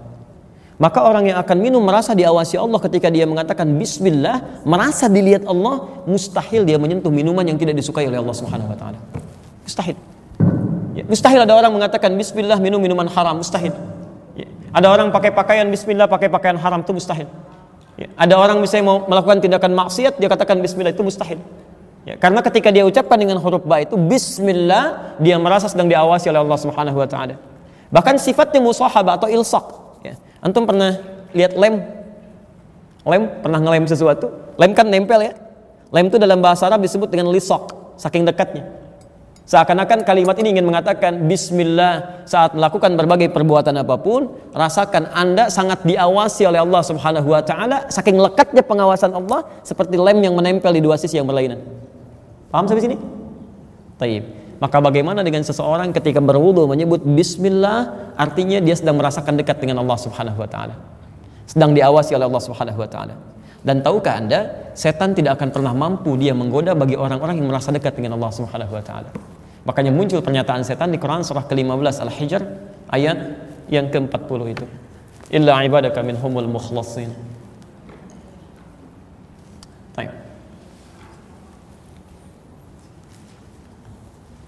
Jadi ya, setan sudah berjanji kepada Allah Subhanahu wa taala akan menggoda semua anak Adam dari depannya, dari belakangnya, dari kanannya, dari kirinya ya dengan segala kekuatan. Tapi dia katakan illa ibadaka minhumul mukhlasin. Ada satu golongan disebut dengan mukhlas. Jadi ada mukhlis, ada mukhlas itu beda. Ya, kalau mukhlis dia berusaha untuk ikhlas. Kalau mukhlas orang yang ditanamkan keikhlasan dalam dirinya. Siapa orang mukhlas ini? Orang mukhlas ini adalah orang yang selalu berusaha saat menunaikan ibadah merasa diawasi oleh Allah Subhanahu wa taala, merasa dekat dengan Allah. Ya. Itu rumusnya ada di hadis Muslim. Hadis Muslim kalau antum punya syarah An-Nawawi ya cetakan tahun 2002 terbitan Darul Hadis warnanya biru dongker ya beli jilid pertama Kemudian nomor hadis yang ke-8 di bab muqaddimah, posisi paling kiri sebelah atas. Muqaddimah. Hadisnya dari Umar bin Khattab radhiyallahu taala anhu. Kalau tidak punya ini cari yang Al-Arba'in An-Nawawiyah. Ya, lebih sedikit ada 42 hadis, cari hadis yang kedua, hadis Jibril dari Umar bin Khattab, posisi paling kanan sebelah atas. Taib. Rumusnya disebut dengan ihsan namanya ihsan. Ya, jadi setiap antum makan wudhu, ibadah apa pun, kalau nggak mau disentuh oleh setan, maksudnya setan nggak bisa goda kita. Jadi Allah berikan hijab tuh antara kita dengan setan, benteng. Ya. Uh, tahu batu, batu bata. Kalau anda susun batu bata, itu batu namanya dalam bahasa Arab hajar namanya, ya, hajar. Kalau batunya disusun, jadi sebuah misalnya, mohon izin, semacam benteng tertentu, atau sekat tertentu ya berubah jadi hijr. Kalau sudah jadi ruangan berubah jadi hujrah. Jamannya disebut dengan hujurat. Baik. Paham sampai sini? Saya beri contoh misal. Uh, di di Ka'bah ada satu batu tuh yang kita mulai saat tawaf disebut apa? Hajar Aswad. Tapi ketika Nabi Ismail membantu ayahandanya untuk meninggikan bangunan Ka'bah, beliau bawa batu-batu, beliau susun. Quran surah kedua ayat 127, posisi paling kiri sebelah atas. Disusun begini, susun begini sampai jadi bagian sekat tertentu. Maka namanya berubah bukan hajar lagi. Namanya apa? Hijar. Hijar Ismail kan? Bukankah anti melihat Hijar Ismail itu seperti benteng menutup begini? Nah, ada orang-orang yang dibentengi oleh Allah antara dia dengan setan. Jadi setan nggak bisa tembus. Suratnya disebut Al-Hijr. Surat tentang benteng. Ada benteng antara dia dengan setan. Intinya ada di ayat ke-40. Ya illa ibadaka minhumul mukhlasin. Ada seorang yang terbentengi nggak bisa ditembus oleh setan. Bukan nggak digoda, saat akan digoda dia nggak bisa tembus. Ya. Siapa orang ini? Yaitu orang yang saat ibadah merasa disertai oleh Allah Subhanahu wa taala. Nah, kalimat penyertaannya menggunakan bismillah sifatnya disebut dengan ihsan. Kata Nabi, al-ihsanu an ta'budallaha ka'annaka tarahu fa in lam takun tarahu fa innahu yaraka. Jadi ketika Anda ibadah, Anda merasa sedang dilihat oleh Allah Subhanahu wa taala walaupun Anda merasa tidak melihatnya. Jelas sampai sini? Baik. Paham tidak? Alhamdulillah.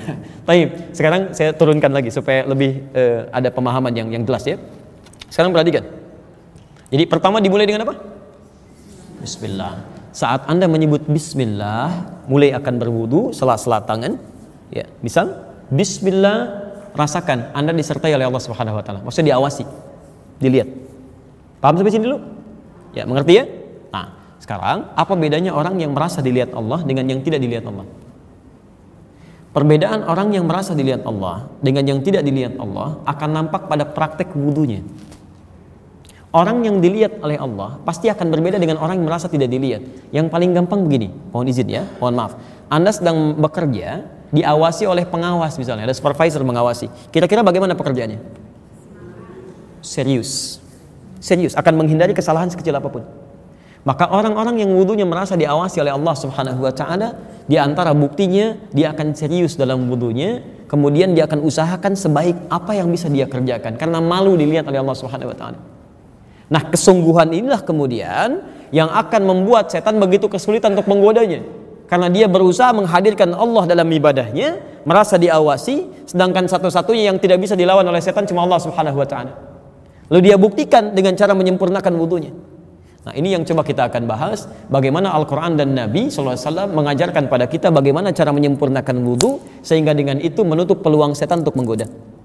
Ya, paham sampai sini? Halo? Paham? Ini sedikit agak rumit ya, tapi insya Allah kita coba pelan-pelan praktekkan. Baik, kita mulai sebentar. Uh, suara saya terdengar nggak kalau begini? Ya, saya maju sedikit ya, insya Allah. Karena saya akan lepas mic, bukan nggak ada mic. Saya mau lepas mic supaya saya bisa praktekkan lebih mudah. Baik, tahan aja nggak apa-apa, nggak usah, nggak usah. Antum lihat aja, nggak apa. Sekarang perhatikan ya, perhatikan fokus sebentar. Pertama, ada setan yang menggoda orang wudhu. Namanya siapa? Walhan. Tugas pertama dia berikan was-was. Cara menepikan was-wasnya, kita berlindung kepada Allah. Ya mohon kepada Allah supaya minta dilindungi. Ucapkan apa? Bismillah. Hadisnya ada. Jadi ketika Anda sedang mau berwudu, mengucapkan bismillah, Anda seraya bermohon perlindungan kepada Allah. Bukan cuma mengucapkan di lisan. Dia begitu katakan bismillah, minta ya Allah lindungi gitu kan? Minta perlindungan pada Allah Subhanahu wa taala. Kalimat itu yang akan meneguhkan hati, membuat setan kesulitan memberikan was-was. Tapi bukan berarti dia berhenti menggoda, dia akan teruskan dengan membuat wudhu kita bisa tergesa-gesa.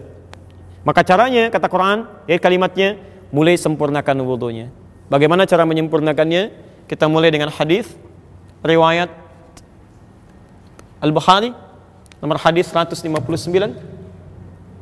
Ya. Kita turunkan hadisnya. Ditemukan juga nanti di hadis Muslim seperti yang telah Anda tuliskan. Lihat kalimatnya. Uh, hadisnya dari Hamran. Hamran Hamran ini khadimnya atau pembantunya Uthman bin Affan radhiyallahu taala anhu. Uthman bin Affan. Kata Hamran, Laqad da'ani Uthman bin Affan radhiyallahu taala anhu. Uthman bin Affan pernah memanggil saya ya, satu kali kemudian mengajarkan saya untuk berwudu. Ya, fa amarani an atawadda. Maka memerintahkan saya untuk berwudu. Uthman mengajari dulu. Lihat bagaimana cara Uthman mengajari kepada beliau. Yang pertama, lihat kalimatnya. Saya mulai dari sunnahnya dulu ya. Baik. Perhatikan. Pertama dengan menyampaikan hadis Nabi tadi yaitu mulai dengan mengucapkan kalimat bismillah. Dan mohon izin ya, ketika Anda ucapkan bismillah, tolong jangan cuma di lisan. Rasakan Allah melihat Anda. Mengawasi. Sehingga kita ingin tampilkan wudhu dan berlindung kepada Allah dari godaan setan. Baik, mulai dengan e, bisa membersihkan tangan dulu, telapak ini. Dengan menyela-nyela begini ya. Jadi bukan cuma begini. Pakai sabun tapi ini nggak disela, itu tidak diinginkan. Ya, jadi Anda siapkan airnya, bisa dengan menggunakan keran tapi tidak berlebihan. Ingat, ya jangan sampai air mengalir terlalu berlebihan, dan itu tidak diinginkan. Baik. Bahkan Utsman bin Affan wudhunya nggak pakai keran. Ya.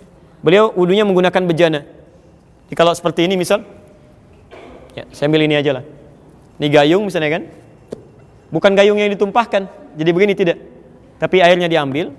Perhatikan, bukan dicelupkan ke dalam, tapi ini diambil begini. Baru kemudian setelah begini. Paham? Baik ya? Jadi ingat bagaimana efisiensi penggunaan air di sini, bukan dicelupkan ke dalam begini, ya, tidak juga ditumpahkan seperti ini. Ya, nanti ada Anda akan temukan orang yang basuh muka, gayungnya ke sini gitu kan. Basuh tangan, gayungnya ke sini akan ditemukan seperti itu, ya.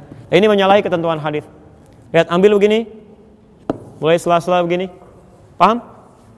Satu, sebentar. Kalau ini sudah selesai, Taib sudah dianggap baik, dua sampai tiga kali, kadang-kadang Nabi dua kali, kadang-kadang tiga kali tapi tidak berlebihan. Lebih daripada tiga kata Nabi faqad asab al qasim. Dia telah bermaksiat menyalahi ketentuan Nabi. Baik, setelah itu mulai dengan niat tamadmad. Berkumur-kumur. Dalam bahasa Arab, kalimat tamadmad itu bukan sekedar memasukkan air ke mulut, tapi juga mengeluarkan kotoran yang di mulut. Jadi begitu Anda masukkan misalnya air ke mulut, ya bahasa Uthman bin Affan radhiyallahu taala anhu, sahabat Uthman, Anda ambil airnya ke mulut, kemudian mulai hirup sedikit, istinsyak ke hidung, Jelas? Lalu Anda kumur-kumurkan itu sambil mengeluarkan kotoran di mulut.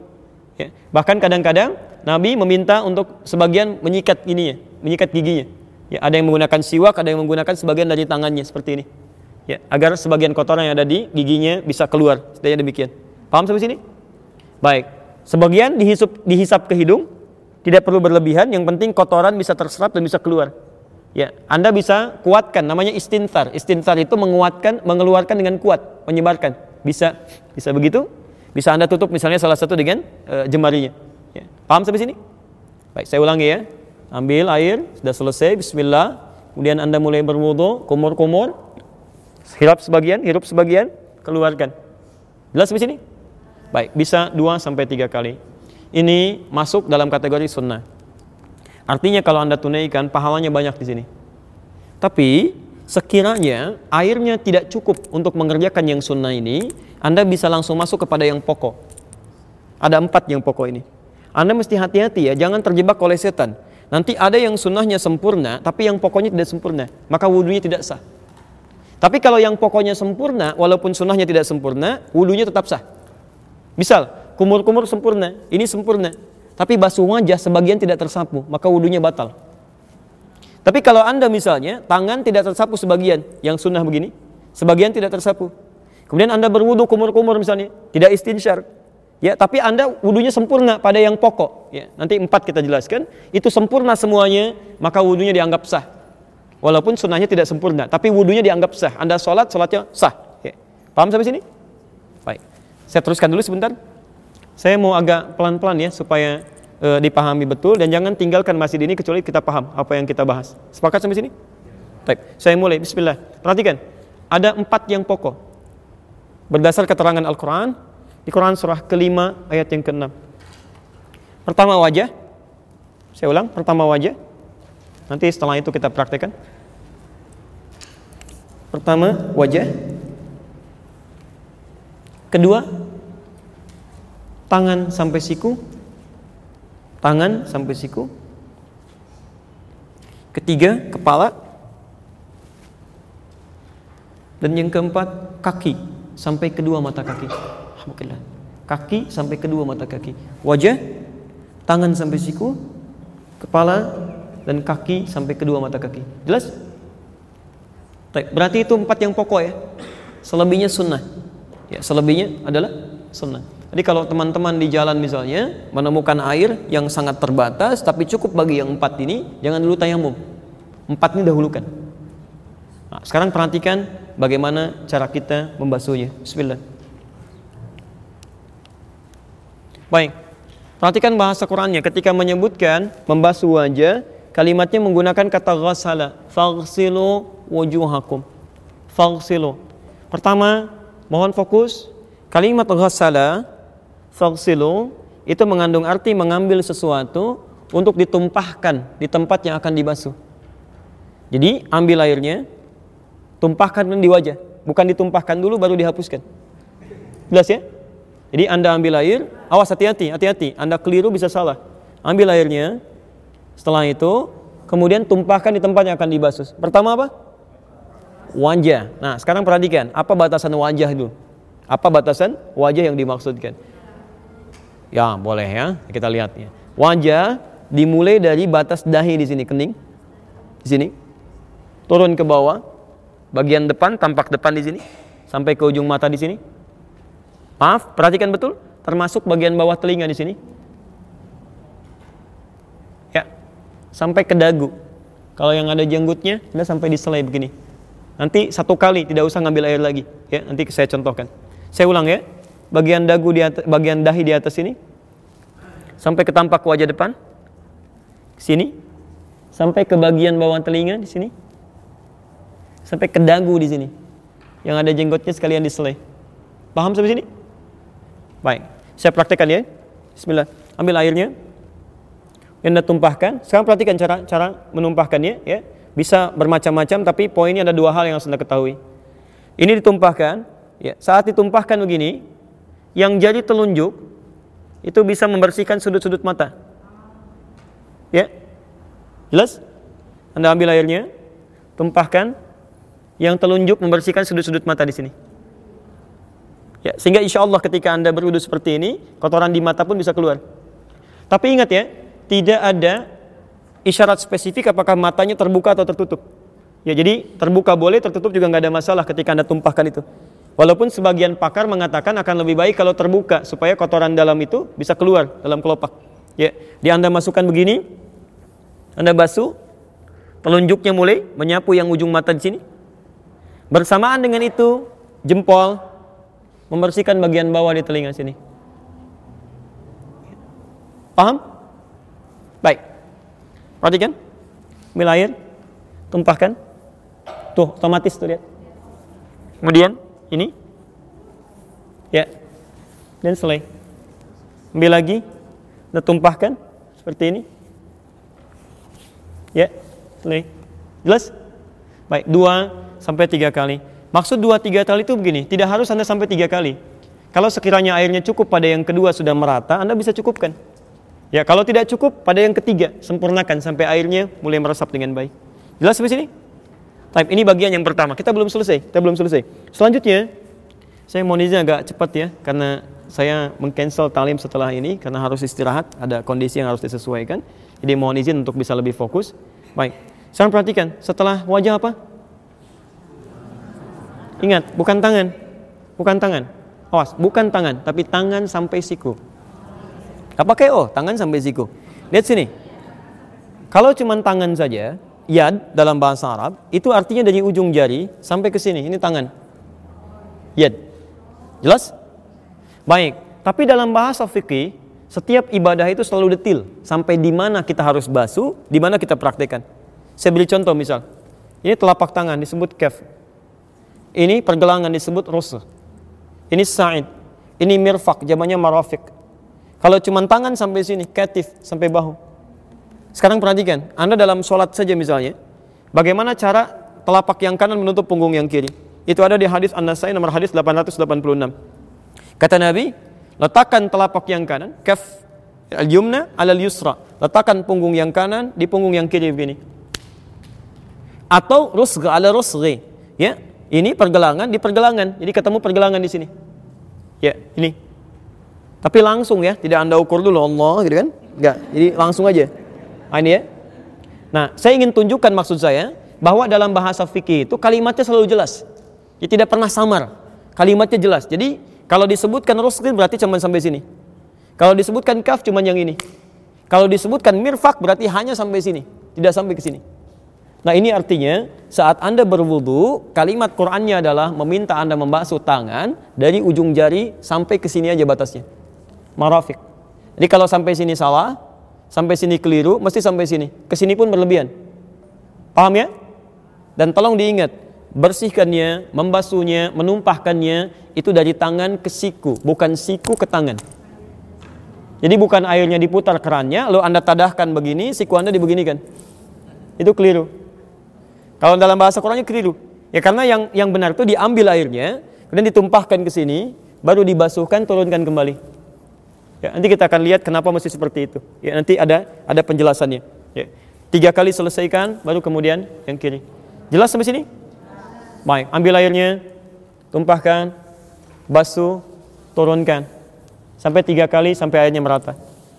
Baik, nanti kita akan lihat saat membasuh seperti ini ada situasi yang bisa kita hadirkan dalam jiwa kita dan itu yang akan akan bisa menjadikan kita menjauh dari setan. Ya. Taib. Yang ketiga, tiga wamsahu biru'usikum. Baik, yang ketiga, kalimatnya berubah dari kata ghassala menjadi masaha. Ya, dari kata ghassala menjadi masaha. Perhatikan, perhatikan detailnya bahasa Quran. Ya. Kalau ini bukan firman Allah mustahil bisa seperti ini, mustahil. Ya. Dari ghassala jadi masaha. Wamsahu biru'usikum. Kalau yang ini ini artinya membasuh menumpahkan air di tempat yang akan dibersihkan. Tapi kalau yang ini, ini artinya mengusap. Mengusap. Yang dimaksud dengan mengusap di sini, artinya airnya tumpahkan dulu. Jadi begitu Anda misalnya ingin mengusap bagian kepala, ya, biru osikum kepala, Anda ambil airnya, nah tumpahkan dulu begini. Tumpahkan, baru diusapkan. Jadi bukan ambil airnya lalu disampaikan ke kepala, begini tidak. Ya awas, nanti juga ada kasus sebagian akhwat ketika akan berwudu langsung tuh di jilbabnya begini-begini. Ada kasus begitu itu nggak tepat. Itu tidak tepat. Tadi kita lihat yang tepatnya. Ya. Karena yang dimaksud masaha itu bukan air diambil tumpahkan, tapi tumpahkan dulu airnya, baru diusapkan. Paham? Nah, sekarang perhatikan. Apa yang diusap itu? Ternyata yang diusap itu biru'usikum. Satu, ru'us, jamak dari kata ra'sun ro'os jamak dari kata ra'sun yang berarti kepala bukan rambut. Ingat kepala bukan rambut. Jadi kalau ada orang berwudu hanya membasuh rambutnya saja itu tidak sah wudunya. Oh kadang-kadang ada sebagian laki-laki atau anaknya gitu kan yang remaja tuh pengen cepat segera kan rambut sudah rapi kemudian wudhu lagi batal cuman rambutnya aja begini takut takut takut takut takut takut gitu kan nggak nyampe kepalanya itu batal dia nggak sah wudhunya, harus mengulang dia. Ya, paham sampai sini? Nah, ini nikmat dari Allah Subhanahu wa taala disebutkan kepala sehingga semua orang bisa berwudu dengan baik. Kalau disebutkan rambut kan yang nggak punya rambut repot ya. Ah. Time. Dan ini yang menarik. Ketika Allah meminta mengusap kepala, menggunakan huruf ba di situ. Wamsahu biruusikum. Padahal Allah bisa mengatakan begini, wamsuh wamsahu ruusakum. Tapi pakai ba di sini biru'usikum. Ya, kalau kalimatnya hanya sekedar mengatakan wamsahu ru'usakum tidak menggunakan ba, maka semua kepala wajib dibasuh dari depan sampai belakang. Habis. Tapi ketika menggunakan ba dari 14 fungsi tadi, ya, di sini terdapat tiga fungsi utama. Ba dalam huruf ini. Ya. Nanti ada orang kita, orang Indonesia yang kuliah di Al-Azhar, Alhamdulillah dapat gelar doktor S3 hanya membahas huruf ba ini aja. Mbak di ayat ini dibahas dapat dokter tuh. Ya, teman-teman yang belum silahkan masih ada huruf ta, huruf da, huruf jim, huruf sampai ya tuh. Masya Allah luar biasa. Ya. Di bahasa Arab itu saya di jurusan bahasa Arab itu luar biasa. Bukan cuman kalimatnya, hurufnya, harokatnya ada maknanya. Ya, makanya masya Allah Quran turun dengan bahasa Arab tuh banyak hikmah di situ. Ya banyak hikmah. Nah sekarang ba yang pertama itu bermakna istighraq namanya. Ba al istighraq yaitu ba yang menunjuk kepada makna holistik luas tanpa batas. Ya, al istighraq namanya. Ba yang menunjuk pada makna yang luas tanpa batas. Al istighraq. Ya. Artinya pada yang pertama ini Anda diperkenankan untuk membasuh kepala, mengusap kepala setelah airnya ditumpahkan. Misal Anda ambil airnya, Anda tumpahkan begini, dan Anda usap dari depan sampai belakang. Seluruhan kepala. Jelas? Ya, nanti setelah itu kalau hadis dari riwayat Utsman bin Affan radhiyallahu taala anhu sambil telinganya kemudian sekaligus ya dibersihkan. Jadi tidak mengambil air lagi. Kalau hadis dari riwayat Utsman bin Affan radhiyallahu taala anhu, Anda ambil begini, tumpahkan, bersihkan kepala sampai ke sini, kemudian baru ke telinga di sini. Ya. Baik.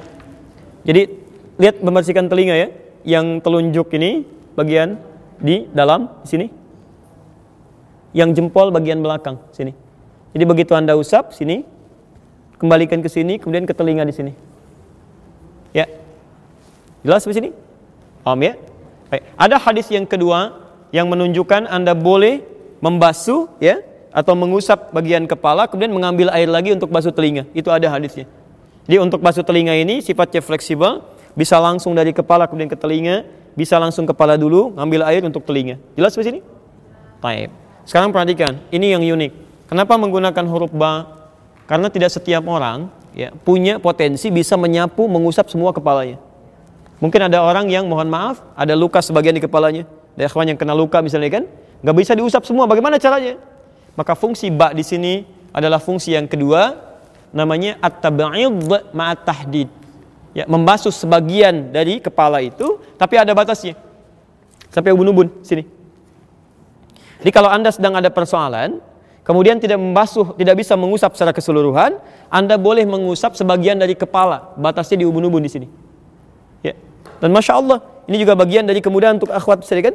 Ada yang sedang berkerudung, berhijab, tidak bisa misalnya membuka di tengah-tengah kebanyakan orang misal sebagian tertentunya ini boleh anda tidak usah lepas jilbabnya ya anda ambil airnya tumpahkan misalnya di sini aja sah wudhunya ya sah itu sah wudhunya ingat awas ya nggak enak itu karena belum terbiasa karena belum tahu ilmu membiasakan sesuatu yang keliru belum membiasakan sesuatu yang benar dia nggak usah dicopot apalagi misalnya ada yang ngambil air dibasah-basahin di sini gitu ya nah itu nggak tepat ya Islam tuh memudahkan tidak menyulitkan baik bahkan yang ketiga Ba di sini berfungsi at-tab'id min duni tahdid.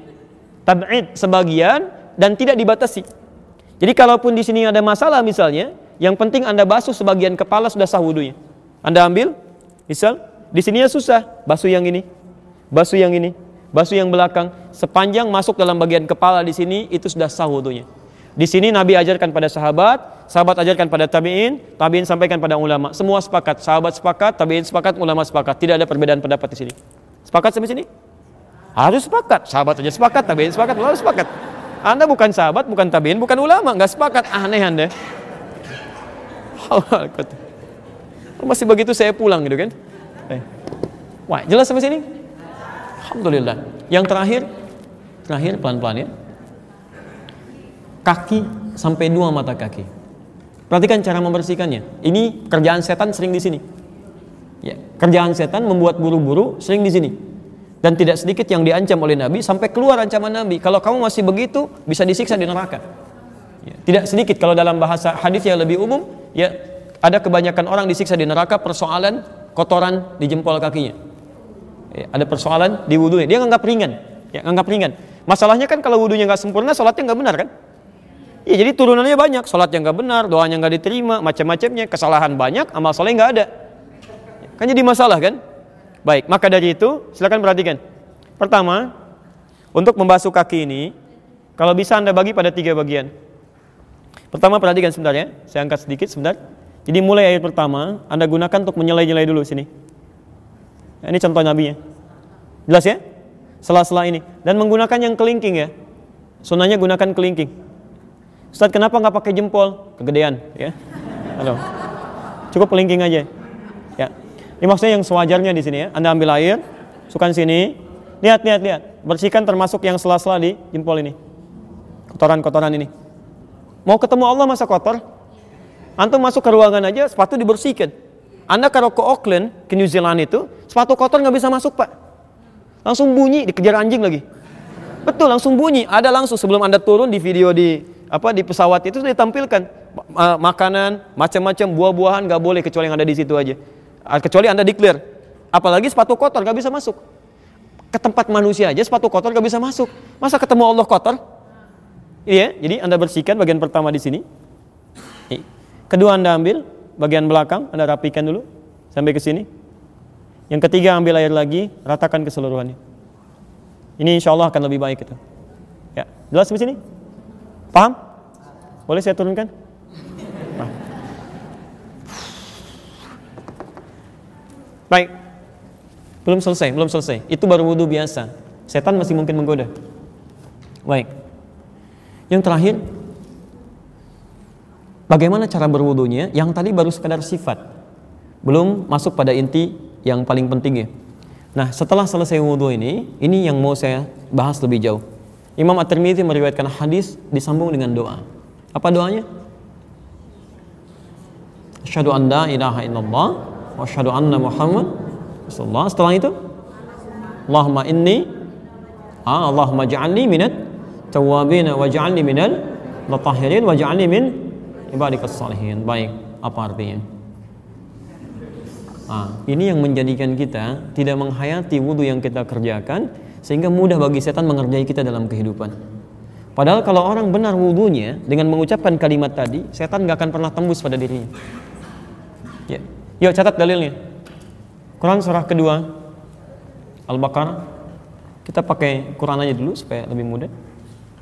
Ayat 222. Posisi paling kanan di pertengahan, agak sedikit ke bawah. Ayat 222. Paling gampang tuh, surah 2 ayat 222. Kemudian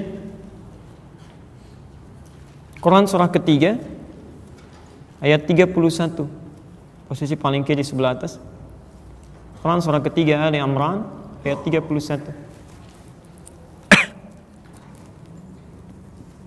Sudah? Baik. Sekarang perhatikan. Bismillah. Anda setelah selesai menunaikan wudhu dan Anda berdoa, perhatikan kalimatnya. Allahumma ja'alni setelah bersyahadat, Allahumma ja'alni ya Allah mohon jadikan aku minat tawabin termasuk orang-orang yang bertaubat. Teman-teman perhatikan ya. Anda telah wudhu tapi doanya kok taubat. Ya, telah wudhu tapi doanya selesai taubat. Apa itu taubat? Baik, kau usah ngarang ya. Kita kembalikan dulu ke Quran. Ya, pelajaran mengarang hanya ada dalam bahasa Indonesia ya. Baik, uh, syariat tidak. Ya, taubat itu nanti turunannya ada di Quran surah keempat ayat 17 sampai ayat 18. Quran surah keempat ayat 17 sampai ayat 18. Ya, prakteknya ada di Quran surah ketiga ayat 133. Posisi paling kanan sebelah atas di pojok. Quran surah ketiga Ali Imran ayat 133. Alhamdulillah. Taubat adalah proses kembali menuju ketentuan Allah. Proses kembali menuju ketentuan Allah. Asal kata taubat itu kembali asalnya. Ya, kembali. Kembali menuju pada ketentuan Allah. Sudah? Dengan cara mengakui kesalahan yang dikerjakan dengan cara mengakui kesalahan yang dilakukan atau dikerjakan menyesalinya jadi mengakui, menyesali dan berjanji untuk tidak mengulanginya. Dan berjanji untuk tidak mengulanginya.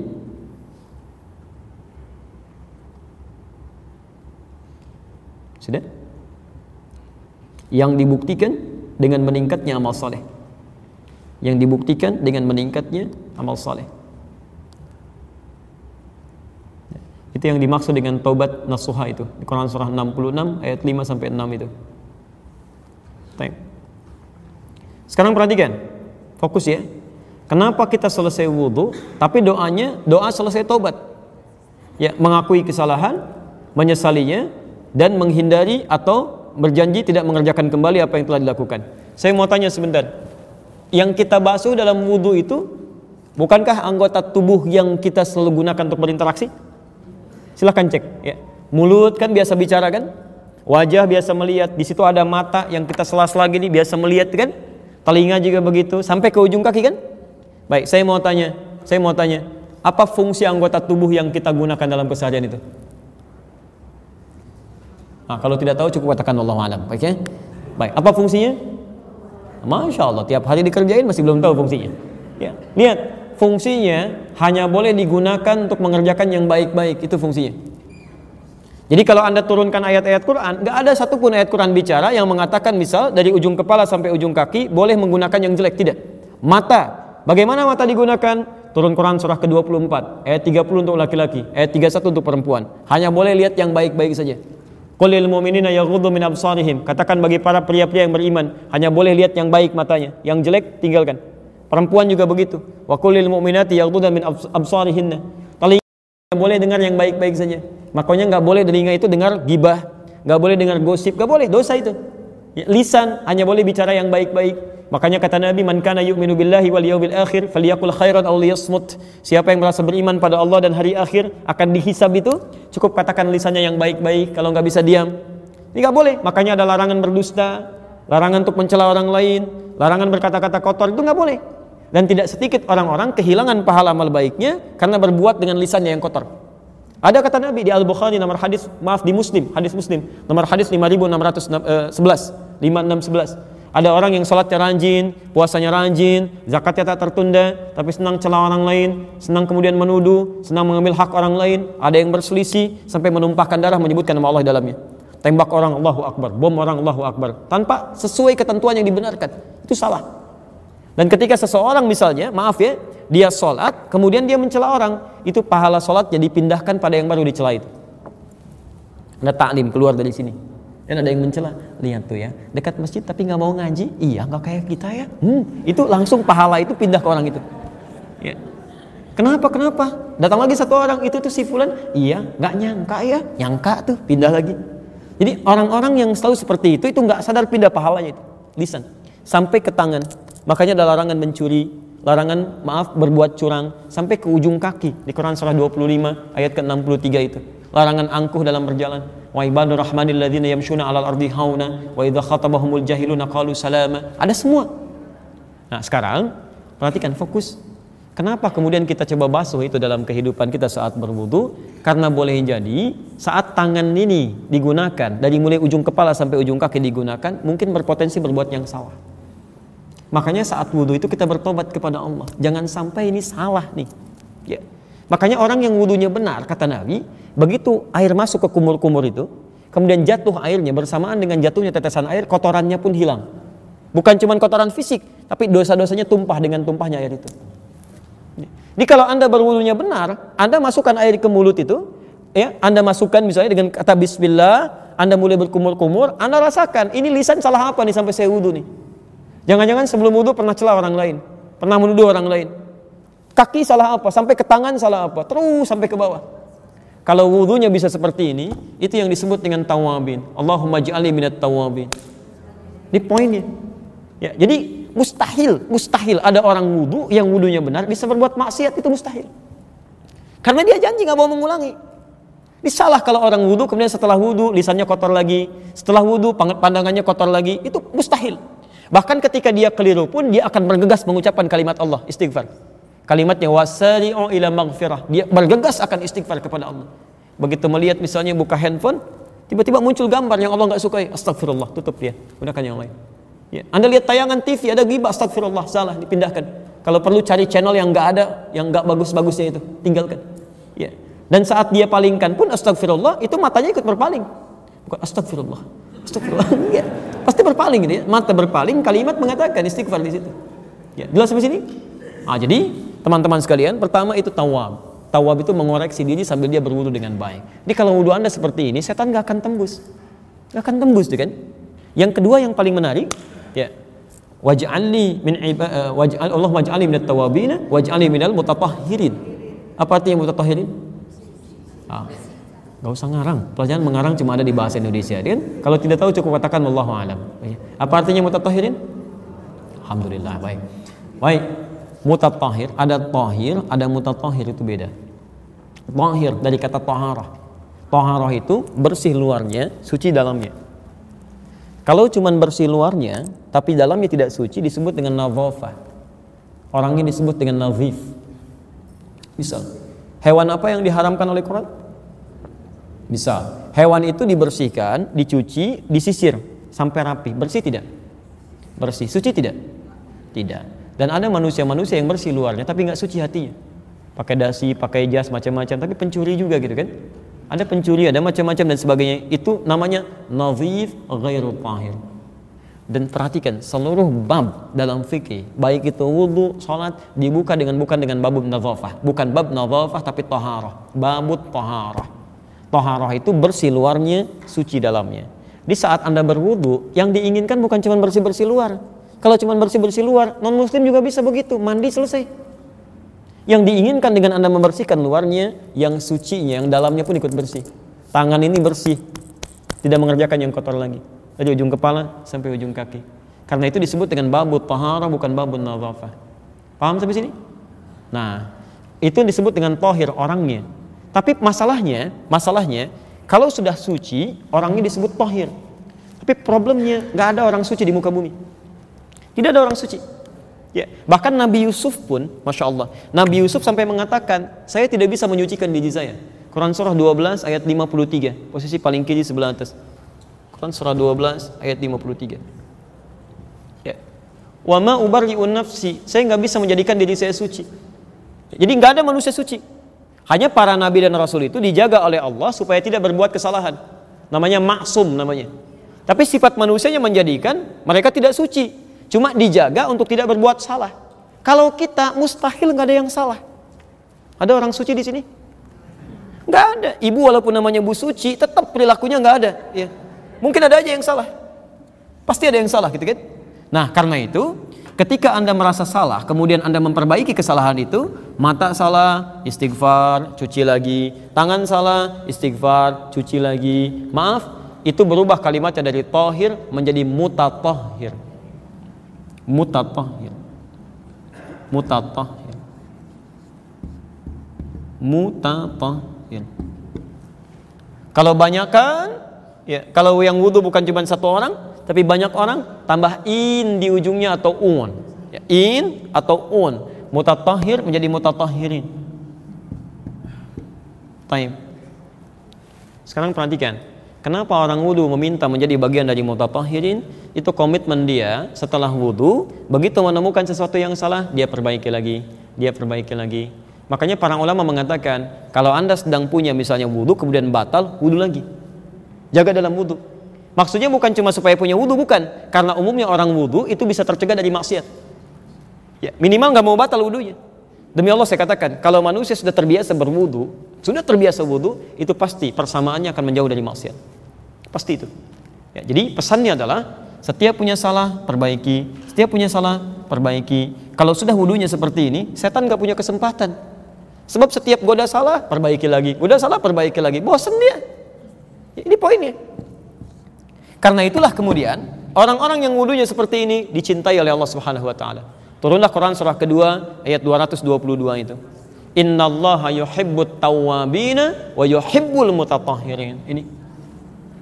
Dan saat Anda berwudu, lihat, sungguh Allah sangat mencintai. Innallaha yuhibbu. Allah sangat mencintai. Tawwabina orang-orang yang senantiasa berusaha taubat, ya.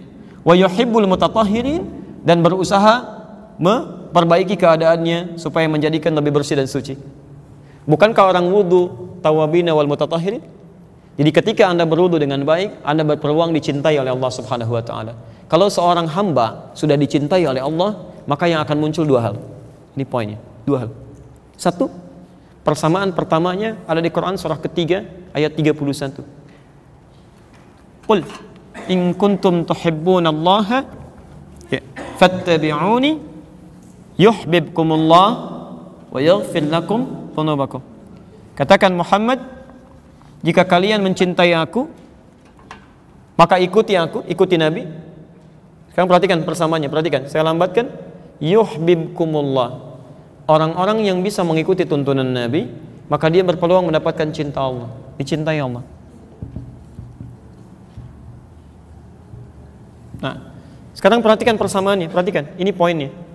Jika seseorang sudah dicintai Allah, yuhibbukumullah, maka yang pertama Allah berikan itu bukan dunia.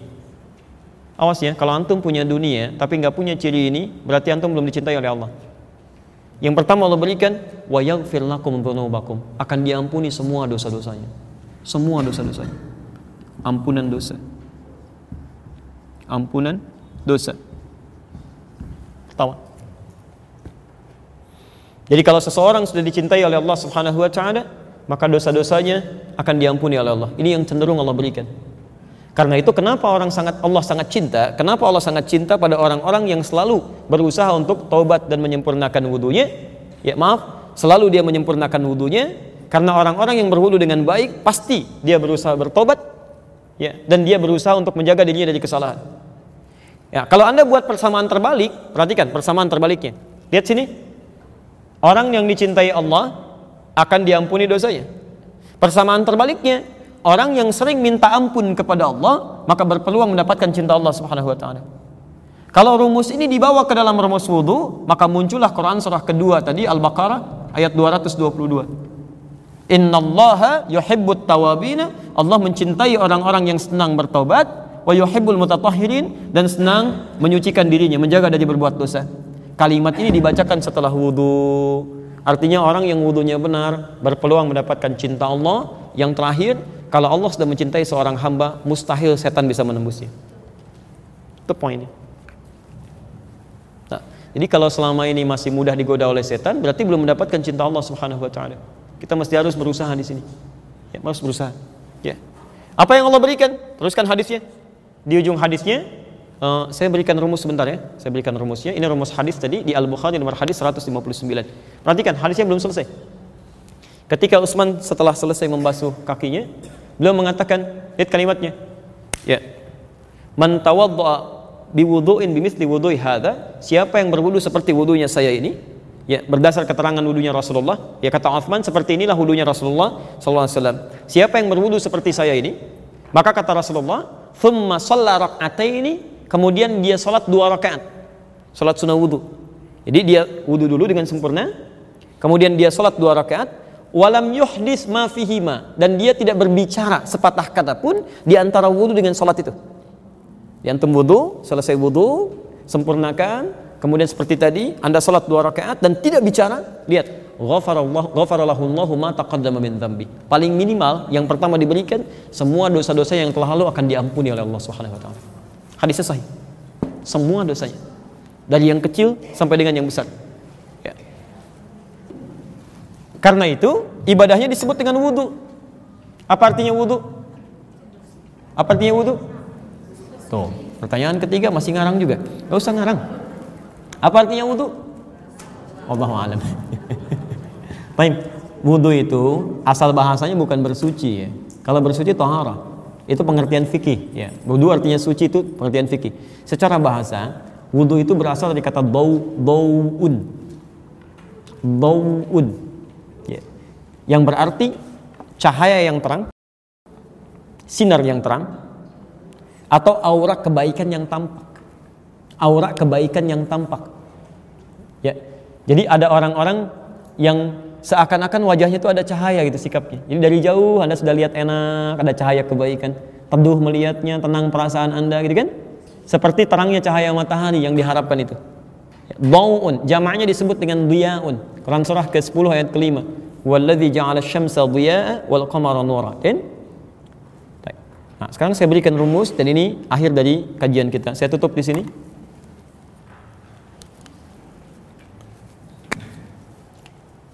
Bau, apa artinya bau?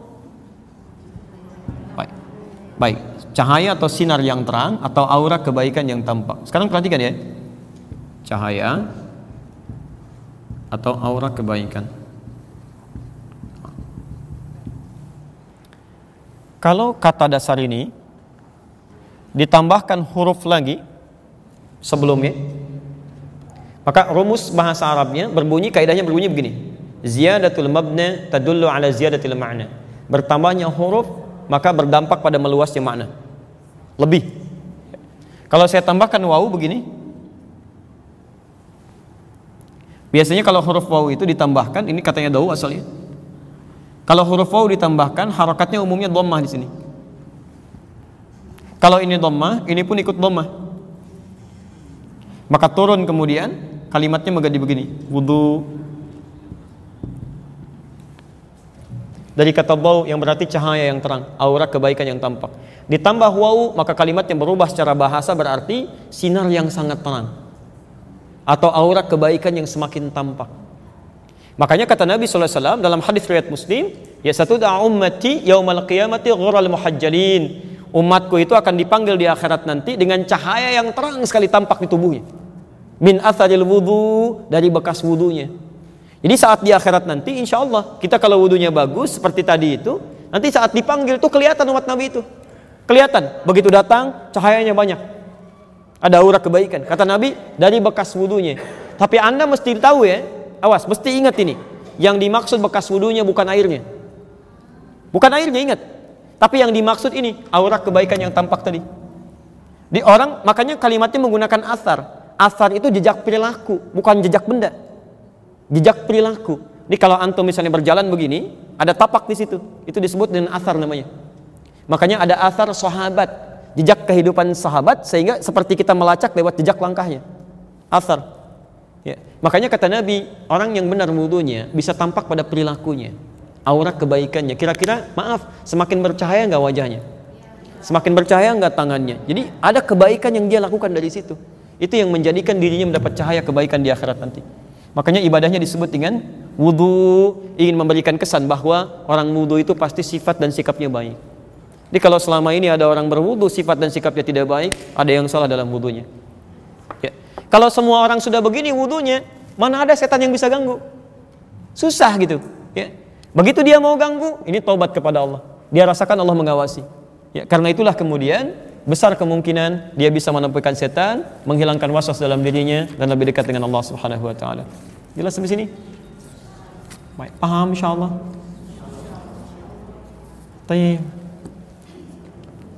Kalau sudah paham, sudah jelas, saya mohon izin barangkali bahas satu dua saja dari pertanyaan ini ya, karena saya mesti rehat dulu sejenak. Ya ada kondisi yang harus coba diistirahatkan dulu. Nanti sebagian dari pertanyaan yang belum terjawab, malam nanti saat live saya jawab insya Allah. Kami akan live nanti malam ini, pada maghrib setengah tujuh sampai dengan jam 9 malam di stasiun Akhir TV ya, di Akhir TV. Akhir.tv yang punya parabola juga bisa masuk ke parabola di Akhir TV atau Madani TV Uh, kalau Anda ingin kirimkan pertanyaan, bisa nanti ada line di situ. Ya, di screennya ada ada tampilan di akhir akhir TV. Ya. Masukkan aja ke situ, nanti ada nomor telepon di situ, Anda bisa SMS kan kita bahas. Saran saya lebih baik gak usah telepon, kalau telepon nanti susah masuknya gitu ya. Mungkin beberapa yang sulit Anda SMS kan nanti bisa kita jawab. Bismillah. Ustadz, apakah boleh bicara ketika sedang berwudu? Ya, saya kalau kembali kepada hadis tadi kita menghindari itu. Kalau berbicara hukumnya Anda bicara nggak membatalkan wudhu, tapi Anda kehilangan kesempatan pahala diampuni dosa-dosa yang telah berlalu. Karena bahasa hadisnya jangan bicara. Bahasa hadisnya selama dia tidak bicara antara wudhu sampai dia sholat. Bahasa hadisnya. Tapi kalau Anda bicara pun tidak membatalkan wudhu, cuman sayang kehilangan kesempatan diampuni dosa-dosa. Ya. Jelas ya? Hei, itu kerannya kok begitu? Eh, jangan bicara, nanti kehilangan kesempatan diampuni dosa. Itu sedang bicara juga. Ya. Bagaimana cara yang hikmah cara atau hikmah untuk mengajarkan anak menyempurnakan wudhu? Taib. Anak belum balik usia 8 sampai 9 tahun. Ya orang tuanya berwudhu dengan baik yang benar dan tunjukkan pada anaknya ya cara berwudhu yang baik. Gak apa-apa ketat di awal ke sananya insya Allah jadi akan terbiasa. Anak-anak senang kok Anak kami dari usia 2 tahun diajarin dan senang ikut-ikutan. Dia main air tapi kita ajarkan. Begitu dia kakinya didorong begini, kita sempurnakan. Cuci kaki begini, cuci kaki begini. Ingat ada setan namanya walhan, sesuatu ajarkan. Masuk kamar kita ajarkan. Ada setan namanya dasim. Begitu mau masuk kakak ucapkan assalamualaikum. Kalau nggak diucapkan, dia nanti bisa ajak kawannya ke sini. Itu dipraktekkan pas senang. Dia masuk kamar dia ucapkan assalamualaikum dasim, ya kan? Alhamdulillah. Saat wudhu dilakukan di dalam kamar mandi eh, dengan WC tempat buang air, bagaimana atau kapan mengucapkan bismillah. Kalau ada misalnya tempat yang tidak menyatu dengan itu itu bagus, Anda berwudhu di situ. Tapi kalau keadaannya tidak memungkinkan, tidak ada kecuali di situ, ya apalagi misalnya dalam keadaan mandi juga, ya mandi besar dan sebagainya, itu boleh, nggak ada masalah wudhu di situ dalam keadaan darurat. Ya, bagaimana bisa anda ucapkan di hati dengan disirkan Bismillah, kan? Jelas ya? Tidak ada masalah di sini, nggak ada masalah.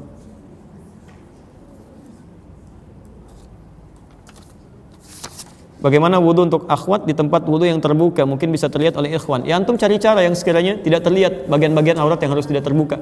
Ya, saya kira bisa kalau Anda mau eh, ikhtiarkan bisa itu insya Allah.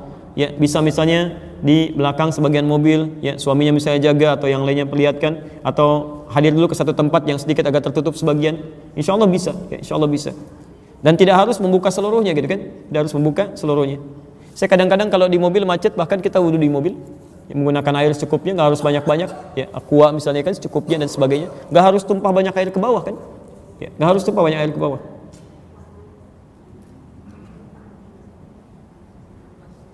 Baik.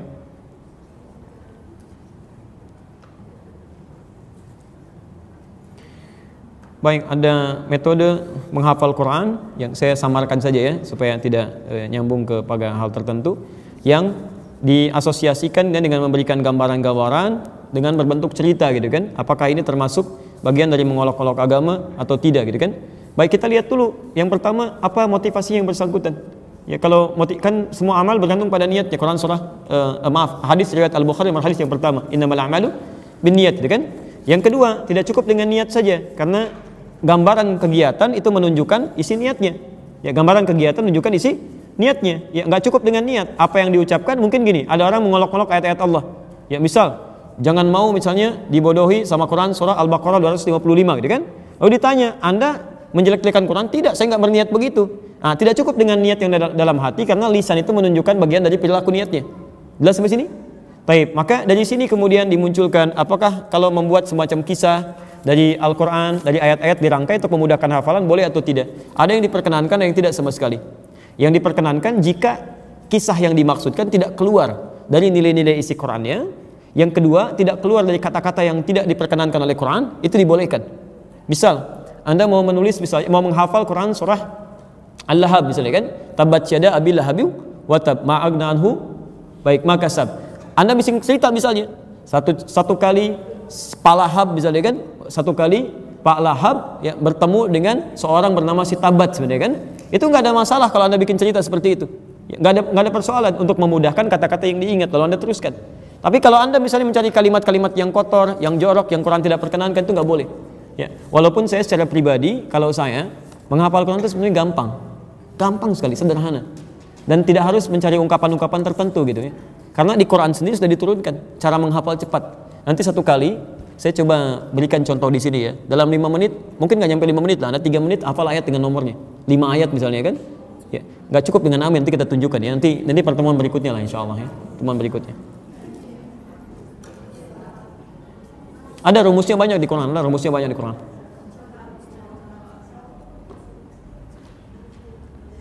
Ketika berwudu membasuh tangan sampai siku apakah sela-sela jari seperti jari kaki dibersihkan? Ya sama. Jadi di sini dibersihkan begini, turunkan lagi sampai ke sini. Ya, sama. Sama semuanya ya, sampai dengan selesainya. Ini sudah dibahas dulu. Jika perempuan sujud apakah sama dengan laki-laki atau menghimpit ke dada tangannya begini? Nggak ada perbedaan, sama dengan laki-laki. Nggak ada perbedaan. Bahkan yang menghimpit ke sini itu riwayatnya bukan riwayat dari Nabi. Ya, saya harapkan menghindari yang seperti itu karena ada seorang yang ditegur oleh Nabi ketika dia bersujud tangannya begini menghimpit. Karena itu menutup diafragma. Sedangkan dalam keadaan sujud itu darah itu jantung memocok memompa darah dengan kencang disalurkan ke otak. Jadi kalau Anda tutup seperti ini itu bisa berbahaya. Ya bisa menutup jalan nafas gitu ya. Jadi sama aja dengan laki-laki tetap terbuka seperti biasa, sejajar dengan bahu. Ya di Al-Bukhari nomor hadis 715 bisa sejajar dengan daun telinga, di An-Nasai nomor hadis 1101 atau di hadis Muslim nomor hadis 391. Jadi ketika Anda takbirnya begini, saat sujud posisinya seperti ini, itu nggak ada masalah. Nanti di bab sholat Anda lihat lagi kita punya kajian sholat di Tanah Kusir di Masjid An-Nur yang ditayangkan live juga. Ya, nanti bisa dilihat. Uh, saya mohon izin ya. Barangkali sebagian dari pertanyaan yang belum dijawab di sini saya jawab nanti pas uh, live nanti sore hari insya Allah. Mudah-mudahan Bapak Ibu diberikan kesehatan oleh Allah Subhanahu wa taala, kebaikan dalam beribadah dan mohon izin saya sampaikan dari sekarang uh, bulan depan saya harus ke Saudi. Ya, saya ulang, bulan depan saya ada di Saudi. Jadi kemungkinan besar pekan kedua saya belum bisa datang tapi nanti kalau bisa dari schedule misalnya kita uh, tunjukkan ya hari dan waktu yang sesuai nanti kami informasikan jauh-jauh hari. Ya dan insya Allah hari Ahad Ahad nanti kita ada satu program yang akan di launching Islamic program di Bekasi di Pondok Timur Mas di Masjid Al Ihsan itu sampai ada 10 booth nanti. Ya antum bisa datang kalau punya waktu. Di situ ada tenda-tenda untuk taklim, ya buat taklim. Jadi ada video-video gratis Anda bisa dapatkan, ada buku-buku juga gratis dan ada launching eh, pendidikan anak sesuai kurikulum Al-Qur'an dan Sunnah. Ya, insya Allah di situ ada MUI, ada pakar pendidikan dan dengan kami sama-sama nanti. Ya. Subhanakallahumma bihamdika asyhadu an la ilaha illa anta astaghfiruka wa atubu ilaik. Wa akhiru da'wana alhamdulillahi rabbil alamin. Minkum. Assalamualaikum warahmatullahi wabarakatuh.